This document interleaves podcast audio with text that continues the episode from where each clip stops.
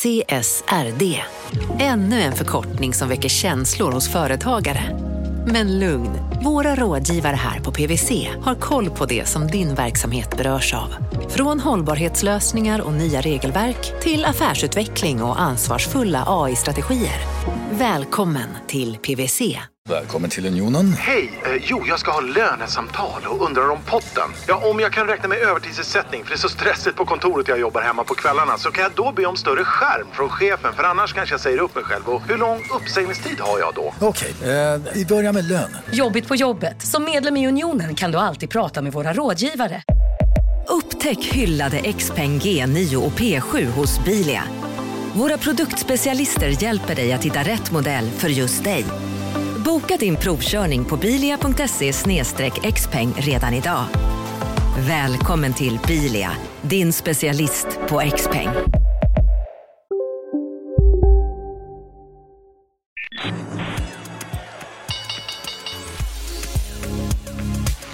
här är Affärsvärlden Magasin med Helene Rådstein.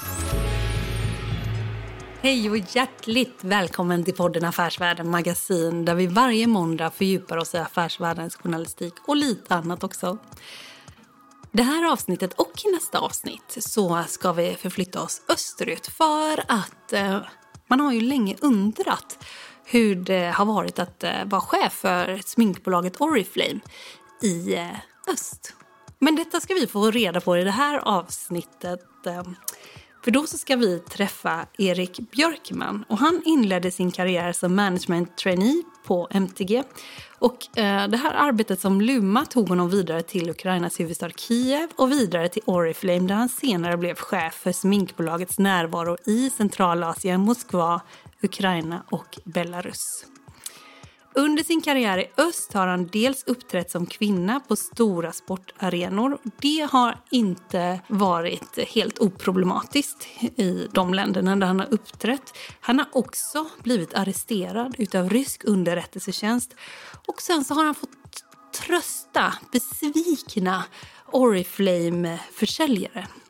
För eh, vi kan bara säga lite kort om Oriflame. Det är ett internationellt sminkföretag och det grundades redan 1967 av bröderna Jonas och Robert af Jokknik. Och mycket av bolagets försäljning sker via privatpersoner som agerar försäljningskonsulenter. Och den typiska konsulenten är en kvinna som vill tjäna extra pengar på att sälja kosmetikaprodukter till vänner och bekanta. Och en viktig del i affärsmodellen är också att konsulenterna kan tjäna extra på nyrekrytering av nya försäljningskonsulenter. Detta kallas ibland för multilevel marketing, där de som är högst upp i försäljningspyramiden också tjänar bäst. Detta har varit en omdebatterad försäljnings modell, kan man säga. Och även om Oriflame är globalt så är huvudmarknaden kan man väl säga i synnerhet Ryssland men även Turkiet och Indonesien. Men hur var det då att jobba för Oriflame i exempel Centralasien och Moskva? Det ska vi lyssna på i första avsnittet. Så nu lyssnar vi på intervjun med Erik Björkman. Marknaden sponsras av SPP, pensionsbolaget. Eh, förra gången pratade vi lite om ITP. Och som en kort repetition så, så var det ju 70-tal, arbetsmarknadens parter bestämde att alla tjänstemän ska ha en tjänstepension. Man kom överens om vilka villkor som ska gälla i den här pensionen och så kallade man den för ITP. Så jobbar man idag som tjänsteman i ett företag med kollektivavtal, då har man förmodligen den här pensionen, ITP-pensionen. Eh, och det är ju så att man kan påverka eh, den här pensionen, hur den är placerad. Vart femte år så gör nämligen Collectum, som de heter, en enorm upphandling där olika pensionsbolag kan ansöka om att få förvalta eh, de här pensionerna. Och SPP är ett av bolagen som valdes ut i den senaste upphandlingen. Och sen kan du som pensionssparare välja eh, vilket av de här olika pensionsbolagen som, som då ska få ta hand om dina pengar. Och tanken med den här upphandlingen är ju att liksom kvalitetssäkra de här olika alternativen eh, men också att förhandla fram stora rabatter så att pensionsspararna ska få ja, kunna spara pengar genom att avgifterna eh, som är så viktiga eh, blir eh, lägre. Och vill man välja någonting i ITP-systemet då finns det en relativt ny sajt som heter avtalat.se. Ehm, där kan man gå in och se hur sin ITP-pension är placerad. Jag gjorde det häromdagen faktiskt. Ehm, idén är att hälften av pengarna alltid ligger i något som kallas för traditionell försäkring det här gjorde vi ett avsnitt om i podden Kapitalet nyligen eh, som vi kallade världens bästa sparform. kan man lyssna på om man är intresserad. Eh, den andra halvan eh, den kan man också lägga i en traditionell försäkring eller så kan man placera det i något som kallas för fondförsäkring. Eh, SPP som sagt eh, var ju ett av de fåtal bolagen som valdes ut i den senaste upphandlingen och de finns med som alternativ både med en traditionell försäkring och med eh, fonder. Så det var en liten bakgrund till ITP-systemet. Vill man läsa mer om det här eller typ kolla hur ITP-pensionen är placerad, eh, kanske göra förändringar, då går man in på avtalat.se. Eh, men tack säger jag till SPP som vill göra oss människor mer medvetna om hur enormt viktig pensionen är för oss som en framtida lön, men också som en positiv kraft i samhället eh, och förstås för att ni möjliggör eh, den här podden Marknaden. Du lyssnar på Affärsvärlden Magasin med Helene Rådstein. När du kom till eh, eh Oriflame och kom till, eh, var det Moskva du började? Jag började i Kiev. Ja, du började i Ukraina alltså? Ja, 2009. Ja, okej. Okay.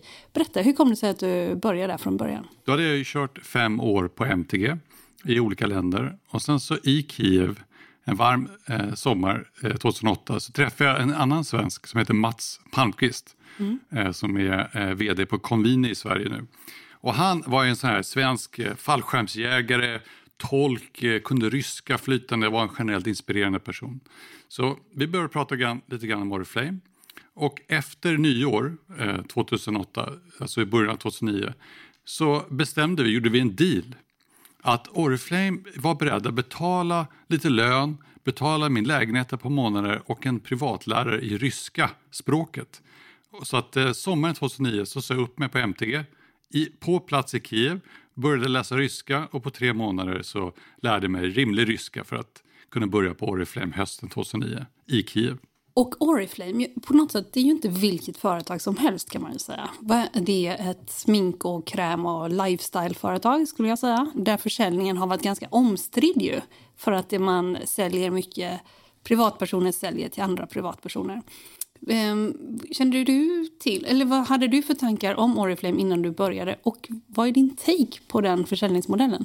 Ja, jag hörde talas om Oriflame först 1998 när de skulle göra sin IPO i London faktiskt, första mm. gången. Mm. Och eh, då var en, en aktieintresserad eh, kollega som tipsade om Oriflame. Så jag visste bara om det Eh, jag visste inte så mycket mer. Jag visste ingenting om försäljningsmodellen ska jag säga när jag pratade sen med Mats Palmqvist i sommaren 2009. Det lät som ett spännande bolag och jag visste att eh, Oriflame var lika känt som eh, Coca-Cola ungefär i Östeuropa. Här hemma i Sverige vet vi ingenting, men i Östeuropa har det funnits relativt länge och är ett starkt varumärke som är positiva associationer. Det är inte så att det är förknippat med liksom att man lura folk eller någonting sånt där. Men det har ju skett väldigt mycket debatter kring den här affärsmodellen. Och eh, senast eh, för tre fyra år sedan i USA så en känd amerikansk hedgefund-kille eh, som heter Bill Ackman som kör Pershing Square. Han eh, shortade Herbalife som är en väldigt stor spelare i den här branschen globalt och påminner väldigt mycket om Oriflame. Och han sa att det är ett pyramidspel, den utnyttjar svaga människor, Eh, den har ett ont uppsåt och så vidare. Eh, och det slår ganska hårt om man väl eh, jobbar på Oriflame och egentligen gör samma sak även om det finns lite skillnader. Men till strids mot Bill Ackman klev då Carl Icahn upp som driver Icahn Enterprises och sa att det här är inte alls något pyramidspel, det här är fair game. Folk kör försäljning och det sker via människor vilket är ovanligt men det är egentligen bara ett sätt att sälja mer aktivt i mikronätverk och det mesta sker ändå online. Det, det handlar mer om att influera människor att gå till olika hemsidor, herbalife.com till exempel, och köpa därifrån. Ehm, så att eh, den samma eh, eh, synen har ju vi på Oriflame, eller hade vi på Oriflame, att det är ett fair game, man säljer genom massa, massa människor. Men egentligen så driver de här människorna sina kompisar och sina bekanta och bekantas bekanta att gå till oriflame.ru eller oriflame.by i Belarus eller oriflame.ua för att köpa sina två, tre krämer där eller parfymer där. Vi tycker nog att eh, den här eh, attacken på den affärsmodellen, eller försäljningsmodellen, är oförtjänt och jag tror inte om vi frågar vem som helst egentligen i Östeuropa, en, en vanlig konsument, om de har den uppfattningen om Oriflame. Så att eh, det kändes eh, alltid bra. Eh, det har varit attacker konstant på den här försäljningsmodellen. Eh, och det får man nog leva med. Det finns attacker på många försäljningsmodeller eh, globalt också. Men finns det någonting? Jag tänker nu för tiden så är det ju också så att det finns eh, influencers till exempel som säljer då sina egna, egna varumärken. Vi har Bianca Ingrosso till exempel som utvecklar ett eget sminkmärke och sådär. Eh, finns det någon likhet med den försäljning som ni har haft? Men det är väl också att man har försäljare under sig va? Eh, I er modell. Det här är ju mer direktförsäljning. Det är jag som influencer som säljer smink. Liksom, det är en ganska ren kanal så att säga. Men finns det någonting där som liknar eller påminner tycker du?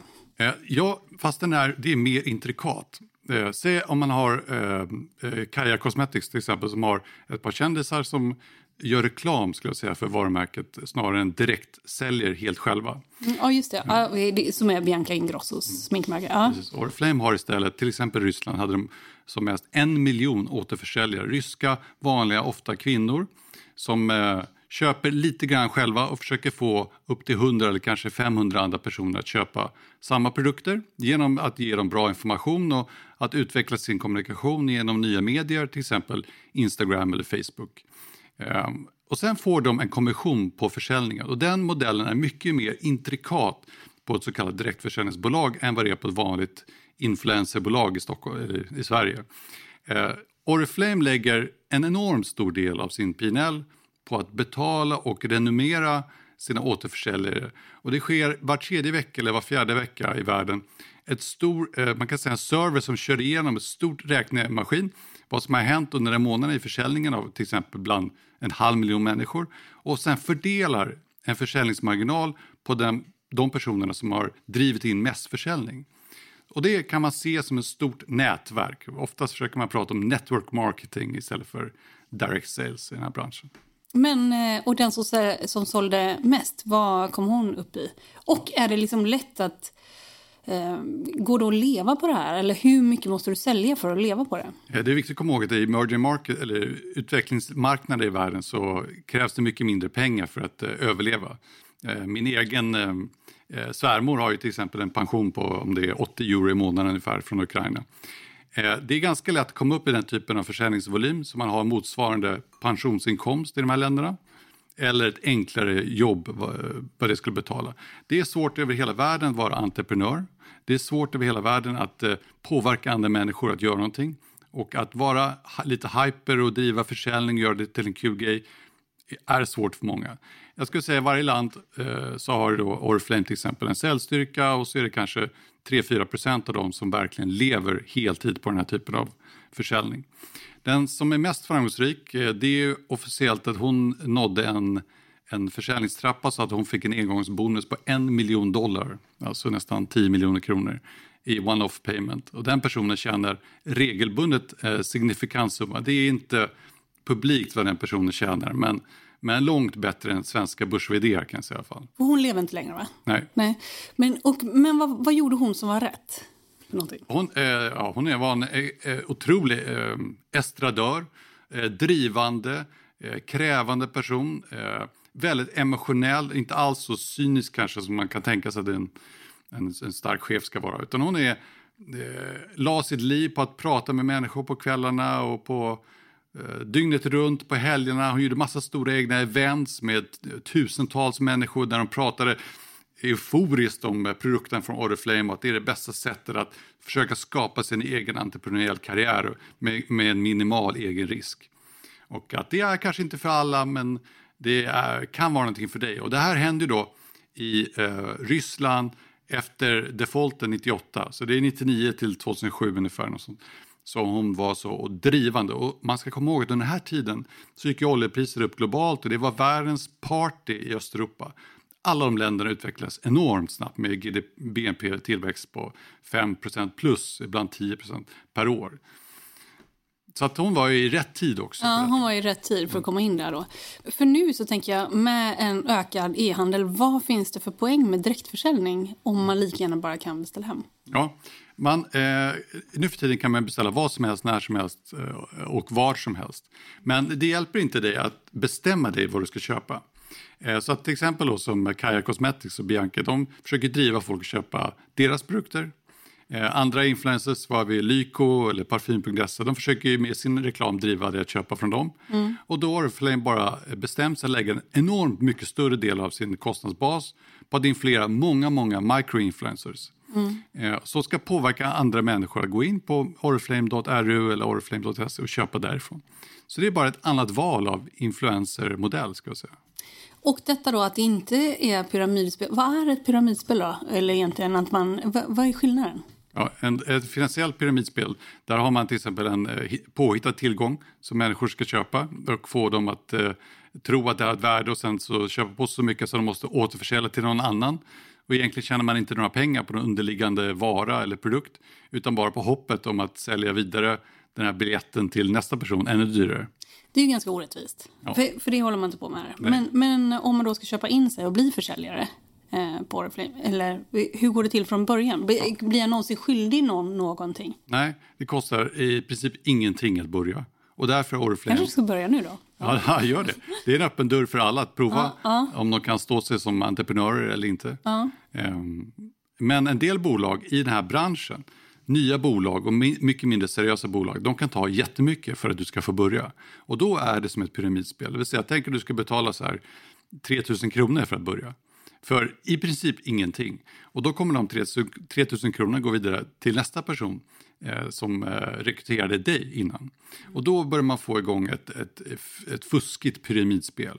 Och då måste du göra det, bjuda in fem andra som också betalar 3 000 innan du kan få din ersättning tillbaka till exempel. Och här, det kostar ingenting att köpa in varor som jag sen ska sälja. Nej, för det är ingen som köper varor själv och har något eget lager och sånt där. Utan man bara raggar in kunder. Precis. Ja, okej. Och sen så säger man det här ska hit, det här ska dit, det här ska... Det är jultidningsförsäljning. Ja, precis. Oriflame sköter all distribution själva. Det är ungefär som Amazon. De har gigantiska warehouses och fabriker kan man säga där man samlar upp alla produkterna i små lådor och skickar ut i bruna lådor med 51 olika distributionsalternativ och så får du dina varor inom två, tre dagar.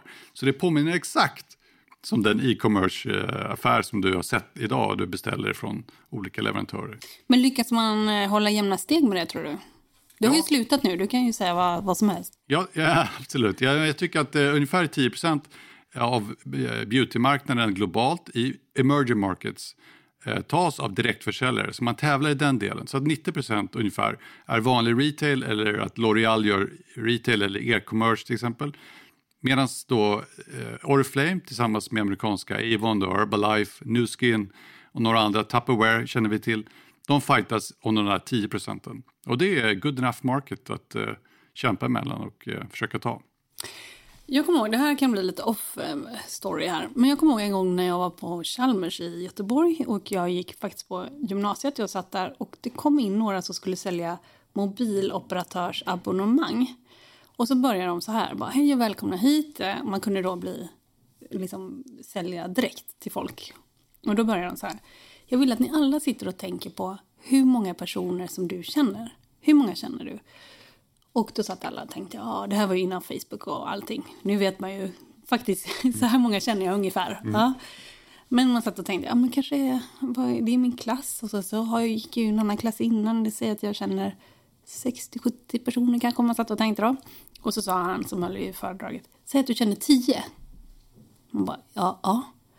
Och säg att alla 10 som du känner, då känner också 10. Och så känner också 10 och också, så ökar det sådär exponentiellt. Och om man då kunde få dem, man, om man bara kunde få några av de här 10 att eh, börja då signa upp på det här abonnemanget så skulle det bli ganska mycket pengar så återbetalat och så här till mig. Men det som det föll på, för jag och en kompis, vi blev ganska intresserade av det här. Men det föll på den sociala grejen som var men vad då ska vi gå på fest? Och så ska jag sitta och prata med någon som typ, jag kanske också tycker är lite söt eller någonting. Så jag ska bara säga hux flux. Du, eh, vad har du för abonnemang? Ja, ja men förstår du, liksom, när man, vad, vad säger man om det här sociala kontra det entreprenöriella i de här, den här typen av försäljningskanaler? Mm. De, de enda som blir framgångsrika är de som inte är rädda för att gå fram till den där söta killen och ändå säga vi ska inte ha ett mobilabonnemang. Så är det. Det är väldigt enkelt. Det är exakt samma jag sak. sa så vi kommer bränna oss. Vi kan inte hålla på så här. Liksom. Så, eh, välkommen till framgångsrika entreprenörer. De Ja. måste vara re- redo att bränna kontakter, eh, bränna sociala relationer och inte ta illa vid sig. Mm. Därför om man gör det, då, då kommer man aldrig kunna sälja någon kosmetika. Och sen, de börjar ju med sina hundra närmsta kamrater, men sen är det ofta nya bekanta som de jobbar med långsiktigt. Och då har man inte samma emotionella band. Ja, för det verkar ju mycket lättare att komma och köpa här. Då blir det mer professionellt.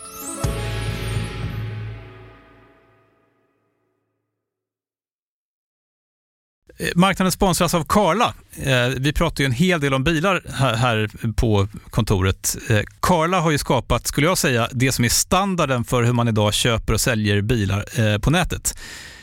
Kort bakgrund bara. Karla säljer och leasar begagnade elbilar och laddhybrider på karla.se. Alltså en helt digital upplevelse. Och man har gjort det här med ett nästan maniskt fokus på vad en bilköpare faktiskt behöver. Jag gjorde ju en intervju med en av grundarna, Patrik Illerstig, i marknaden här eh, ganska nyligen, eh, daterad 25 mars, om man vill lyssna på den. Eh, men där berättar han hur de kom in i det här lite från vänster för att försöka uppfinna hela den här liksom bilköpupplevelsen från början. Och de har idag, vilket är rätt otroligt, 4,8 i betyg eh, på Trustpilot. Jag, jag har sett många företagssidor på Trustpilot, men det här är nog bland eh, det bästa jag någonsin sett eh, faktiskt. Man kan sälja bilen till Karla också. Eh, då går man in på karla.se, delar lite info om bilen, sen får man en gratis värdering och ett bud. De hämtar bilen helt gratis i hela Sverige och så har man pengarna på kontot i samma stund som de hämtar bilen. Det är grymt. Eh, så ska du köpa en ny bil eller sälja din gamla, eller båda delar för den delen, gå in på karla.se och eh, kolla. Alltså karla.se och Karla stavas med C. Tack så mycket till Karla. Du lyssnar på Affärsvärlden Magasin med Helene Rådstein. Du kom till eh, Kiev då, som det var. Eh, hur länge var du i Kiev? Kiev i tre år från början. Så vi kom dit i januari 2008 och jobbade sista året på MTG eh, med att starta en tv-plattform där. Och sen så hoppade jag på det här Oriflame då med Mats Palmqvist. Jobbade i Kiev, träffade min fru, lokalfru. Sen flyttade vi hela familjen då med hennes bonusdotter till, som var sju år då, flyttade vi till södra Ukraina och bodde i Dnipro eh, som är ganska nära eh, Donbass där, där det här inbördeskriget sker just nu. Och, eh, eh det var en underbar tid att jobba med Oriflame och vi träffade de här eh, svenskarna i Ukraina som gör Chumak, ett stort ketchup-brand. Eh, och han, en av svenskarna är även Sveriges generalkonsul i Ukraina, Karl Carl Sturén. Eh, och han tillsammans med Johan Bodén körde där och kör fortfarande. Eh, nu gör de vindkraft. Ja, hur som helst, så efter det flyttade vi till Kazakstan. Det är inte vilket land som helst kan man säga, eller? Nej. Nej. 2011 i Almata. Det var väl ändå i och för sig Tetra Pak och SKF och mm, EF, English First och Oriflame som var där. Men det var nog bara tio svenskar i hela Kazakstan. Kazakstan är lika stort som till ytan som Västeuropa. Eh, Så ska du åka någonstans så måste du flyga två, tre timmar. Eh, det bor ungefär 17 miljoner människor där. Det ligger bredvid Kina. Eh, närmsta huvudstaden är New Delhi, inte Moskva. Så man kan få lite känsla av hur långt bort det här är. Eh, men det sovjetiska unionen och imperiet hade ju nått dit och hade hela Kazakstan och hela Centralasien. Det var jättekul att jobba där. Vi jobbade även i Uzbekistan. Där har vi ju då enormt infekterad svensk näringslivshistoria då med Telia som var stora där men var ju tvungna att dra sig ur efter den här mutskandalen, eller skandalen med Gulnara Kerimova. Diktatorns dotter, ja. Exakt, precis. Och då, vi var ju där då och eh, Oriflame var lagligt i Uzbekistan 2011 men drog sig ur det året, eh, alltså stängde sitt bolag där på grund av att det blev för svårt att eh, jobba med, med, med regimen. Det vill säga, ja, de, de ställde orimliga krav på att eh, man skulle vara kvar där. Det vill inte Oriflame gå med på. Så de drog sig ur och det tog faktiskt sju år innan Oriflame nu är tillbaka där. Eh, det är ehm, en intressant marknad, det är svårt att verka där. Det är få västerländska bolag som är där legalt. De har till exempel eh, ja, två, tre eller tre olika sorters bilar som kör omkring. Det, det ser ut som Sovjetunionen lite grann. Men det är varmt och skönt och man vill vara där. Eh, men eh, Oriflame var utjagade, jag kan inte eh, gå in på detaljer varför, men legala skäl varför man inte kunde vara kvar där. Och det var bättre att stänga bolaget, precis som Telia har ju sålt av sitt bolag där också. Men du bodde alltså i Kazakstan och du jobbade med hela Centralasien och däribland då Uzbekistan kan man säga. Eh, och hur var det med de andra, liksom Turkmenistan och liksom, i- Azerbaijan? In, ingår det där också i det? Eller liksom Pakistan och ingick det också i ditt uppdrag? Eh, Centralasien är Kyrgyzstan, Uzbekistan, Turkmenistan eh, och Kazakstan. Eh, och Tadzjikistan. Tadzjikistan är enormt eh, korrupt, det är svårt att jobba med det. Men Oriflame finns i Kyrgyzstan och har haft representationskontor i Turkmenistan. Och man måste besöka och hålla vid, hålla vid liv liksom Oriflames varumärke där, så därför jobbar jag där. Eh, Ja, Kyrgyzstan är ju också underbart land. De har ju precis haft någon sorts eh, liten revolt där också. Jag tror presidenten avgick igen här. Där, eh, ja, jag har ju till exempel varit i Osh, det är då södra Kyrgyzstan. Och där blir man liksom serverad eh, fårhuvud grillat eh, som huvudrätt till hedersgästen i en jurta. det är alltså det är ganska nära Afghanistan, det är jättelångt bort. Alltså. Så att det blir väldigt exotiskt och det är en helt annan kultur och sådär. Men kan man ryska så kan man ta sig fram där, för de pratar hackig ryska. Och du med tiden pratar ganska bra ryska. Du är flytande på ryska. Ja, bättre än på engelska. Nej, nej, det tar tid. Nej, det är fruktansvärda accent och grammatiska fel, men rysktalande är ganska förlåtande. Är de? Precis som eh, fransmän gillar om någon pratar lite turistfranska, så de gillar den... Eh, Hellre det än engelska. Liksom. Exakt, absolut. De gillar den eh, efforten man gör. Du kommer till de här länderna. De är liksom... Ja, men, man kanske inte har, om jag får prata för mig själv, men så jättestor förförståelse. Vad, vad, är, vad handlar saker och ting om här? Hur, hur, hur funkar det här? Och, så. och sen så ska du komma dit och så ska du sälja Ja, hallå, eller vad, hur man nu säger. Ja, vi håller på och ska sälja lite smink här. Alltså, hur, hur blev ni bemötta där? Hur blev du bemött? Var, var, var det liksom, ah, ja, självklart att du ska göra det, eller hur? Sverige har ett, har ett bra rykte i Ryssland och det går tillbaka till Olof Palme egentligen och att vi hade ganska bra relationer med Sovjetunionen och så vidare. Så Sverige anses som ett, ett ganska vänligt land att uh, jobba med. Och sen kommer då svenskar, en, eh, uh, Oriflame har ju då inte så många svenskar ute, men några stycken. Och det anses som en uh, kul grej, ett bra folk anser de och så kan den här personen prata lite ryska. De älskar det. Så att eh, Oriflames vd, även nuvarande vd Magnus Brännström, är likadan. Att han är en svensk som lär sig ryska väldigt väl. Eh, det finns andra, Johan Rosenberg, Koppeni Berkes, några andra stycken svenskar där som eh, alla tas emot väldigt väl, väldigt väl ansedda. Och svenskar är generellt pålitliga människor, långsiktiga människor, eh, vänliga människor, rättvisa människor, försöker inte luras. Och det är de inte så himla vana vid i den delen av världen. Eh, så att det är självklart så tycker de att det är kul när svenskar försöker prata om eh, olika ingredienser i en kräm eller i läppstiftet eller så vidare. Men eh, de tycker det var en kul grej. Och Oriflame är kosmetikaförsäljning och wellnessförsäljning, men med en underhållande touch. Så att Oriflame har enorma säljevent. Liksom. Det kan vara 50 000 personer på sportstadium ibland. Ja, men alltså här, stopp. För att vi har ju en gemensam bekant. Vi kan kalla honom för eh, byråkraten. Eller hur? Ja. Politrucken. Po, po, po, politrucken. Ja.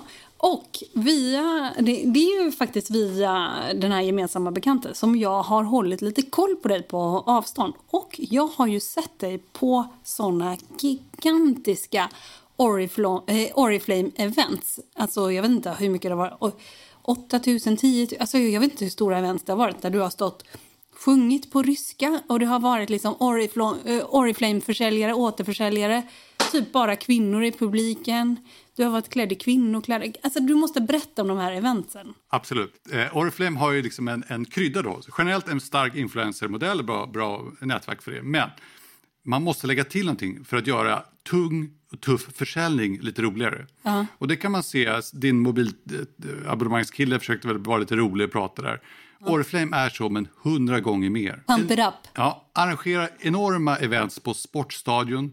Och det är rökmaskiner, det är liksom, bengaliska eldar, det är, man dansar, man klär ut sig till kvinna i mitt fall ibland. Eh, Man, man eldar på publiken och pratar enormt passionerat om produkterna och de nya produkterna som man lanserar pratar man ofta om. Eh, och det är en del av eh, att göra livet lite roligare. Och det är vad Oriflame ger till de här människorna. Att, eh, visst, man ska försöka sälja kosmetika och så får man 10 000 nej tack, jag vill inte ha. Då måste man känna att man har några på sin sida som vill göra något kul för en. Och det är det Oriflame gör. Och enorm detalj. Men, men, men bjuder ni dem på de här eventsen så de får komma dit? Men de betalar 2-3 dollar. Liksom, det, är, det är jättelite. Det är inte Ja. så att det kostar mycket för dem. Och det är ingenting som Oriflame tjänar pengar på alls, utan de förlorar pengar på de här. Ja. Oriflame arrangerar även enorma konferenser varje år. De arrangerar Diamantkonferensen och Guldkonferensen och massa andra konferenser. Och då kan det vara så här att man, har, man hyr två stycken Silja Line-båtar och bara fyller sig med 5 000 personer som under en vecka kryssar i Medelhavet. Och så har man lite roliga events och så vidare. Och det här och berättar om produktutveckling och så vidare. Och det är en standard operating procedure i De som blir riktigt framgångsrika, det är ofta för detta artister eller lärarinnor eller människor som kan tala inför andra, förklara och på ett säljande sätt. Och de som kan lägga på lite extra passion och lite energi, det, det ger alltid ett starkt intryck hos en, en person som lyssnar på det här. Då är de mer benägna att lyssna vidare eller försöka själva till exempel. Det, det fanns ju en väldigt så här, om man tar MTG hade tre ledord och Oriflame hade också tre ledord. Och MTG det var eh, Sales, Showmanship and Cost Control. Orifl- eh, MTG är ju Kinnevik, det är väldigt amerikanskt och så vidare. Eh, Oriflame, det var Togetherness, Spirit and Passion. Att man är tillsammans, att man har passion för det man gör, att man pratar varmt om det man håller på med, att man tar hand om varandra, alla ska med. Det är mycket mer så svenskt eh, och mjukt och, och varmt och en härlig plats att vara. Och Oriflame försöker ju vara ett community eh, för människor som kanske inte är liksom, vd på svenska eh, börsbolag än, utan vanliga människor. Och då är den eh, varmheten återspeglas in i bolaget överallt. Liksom, att man tar hand om människor. Säg några ställen du har stått och sjungit på. Eh, Liksom, är du bra på det ens? Va, va, vad var det någonstans?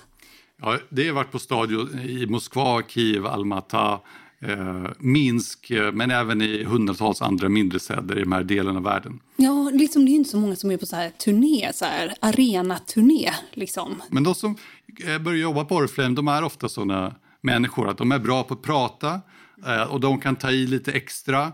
Eh, da- Det här med dansa och sjunga, nej det kan man inte bra, men det är ändå ett effort som man gör och så släcker man allt ljus. Det är helt mörkt, man är inne i sportstadion, musiken går på, eh, folk börjar bli laddade, sen går ljuset på, Sen står man där i en skinnjacka, rockgitarr och sen håller man ett brandtal. Så det är liksom som att vara vd för ett stort bolag, men få lägga på den här cirkuskonferencier cirkuskonferencier-delen. Och att det är inte konstigt och det är inte så att folk inte kan ta det på allvar sen. Utan sen är det liksom 98 procent av, av arbetet är ju superseriöst ledat bolag och så med allt vad det innebär.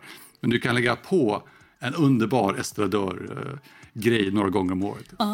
Det blir ännu roligare i Centralasien där alla blir liksom hysteriskt med. Liksom. Men Alltså, är det, är, är det bättre pub- publik? ja, ju längre bort från, från Stockholm man kommer desto mer drag är det i publiken.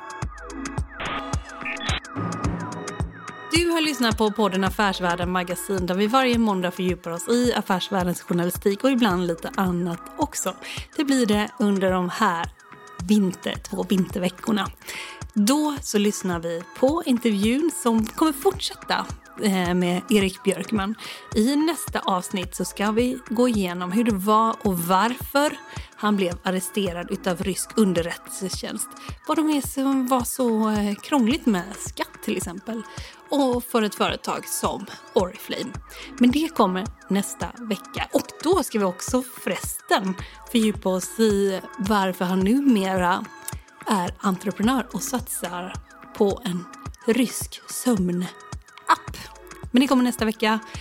För mer information och mer analyser såklart för den som är börsintresserad, lyssna på eh, Affärsvärldens poddanalys eller gå in på affärsvärlden.se. Vi hörs nästa vecka. Håll ut!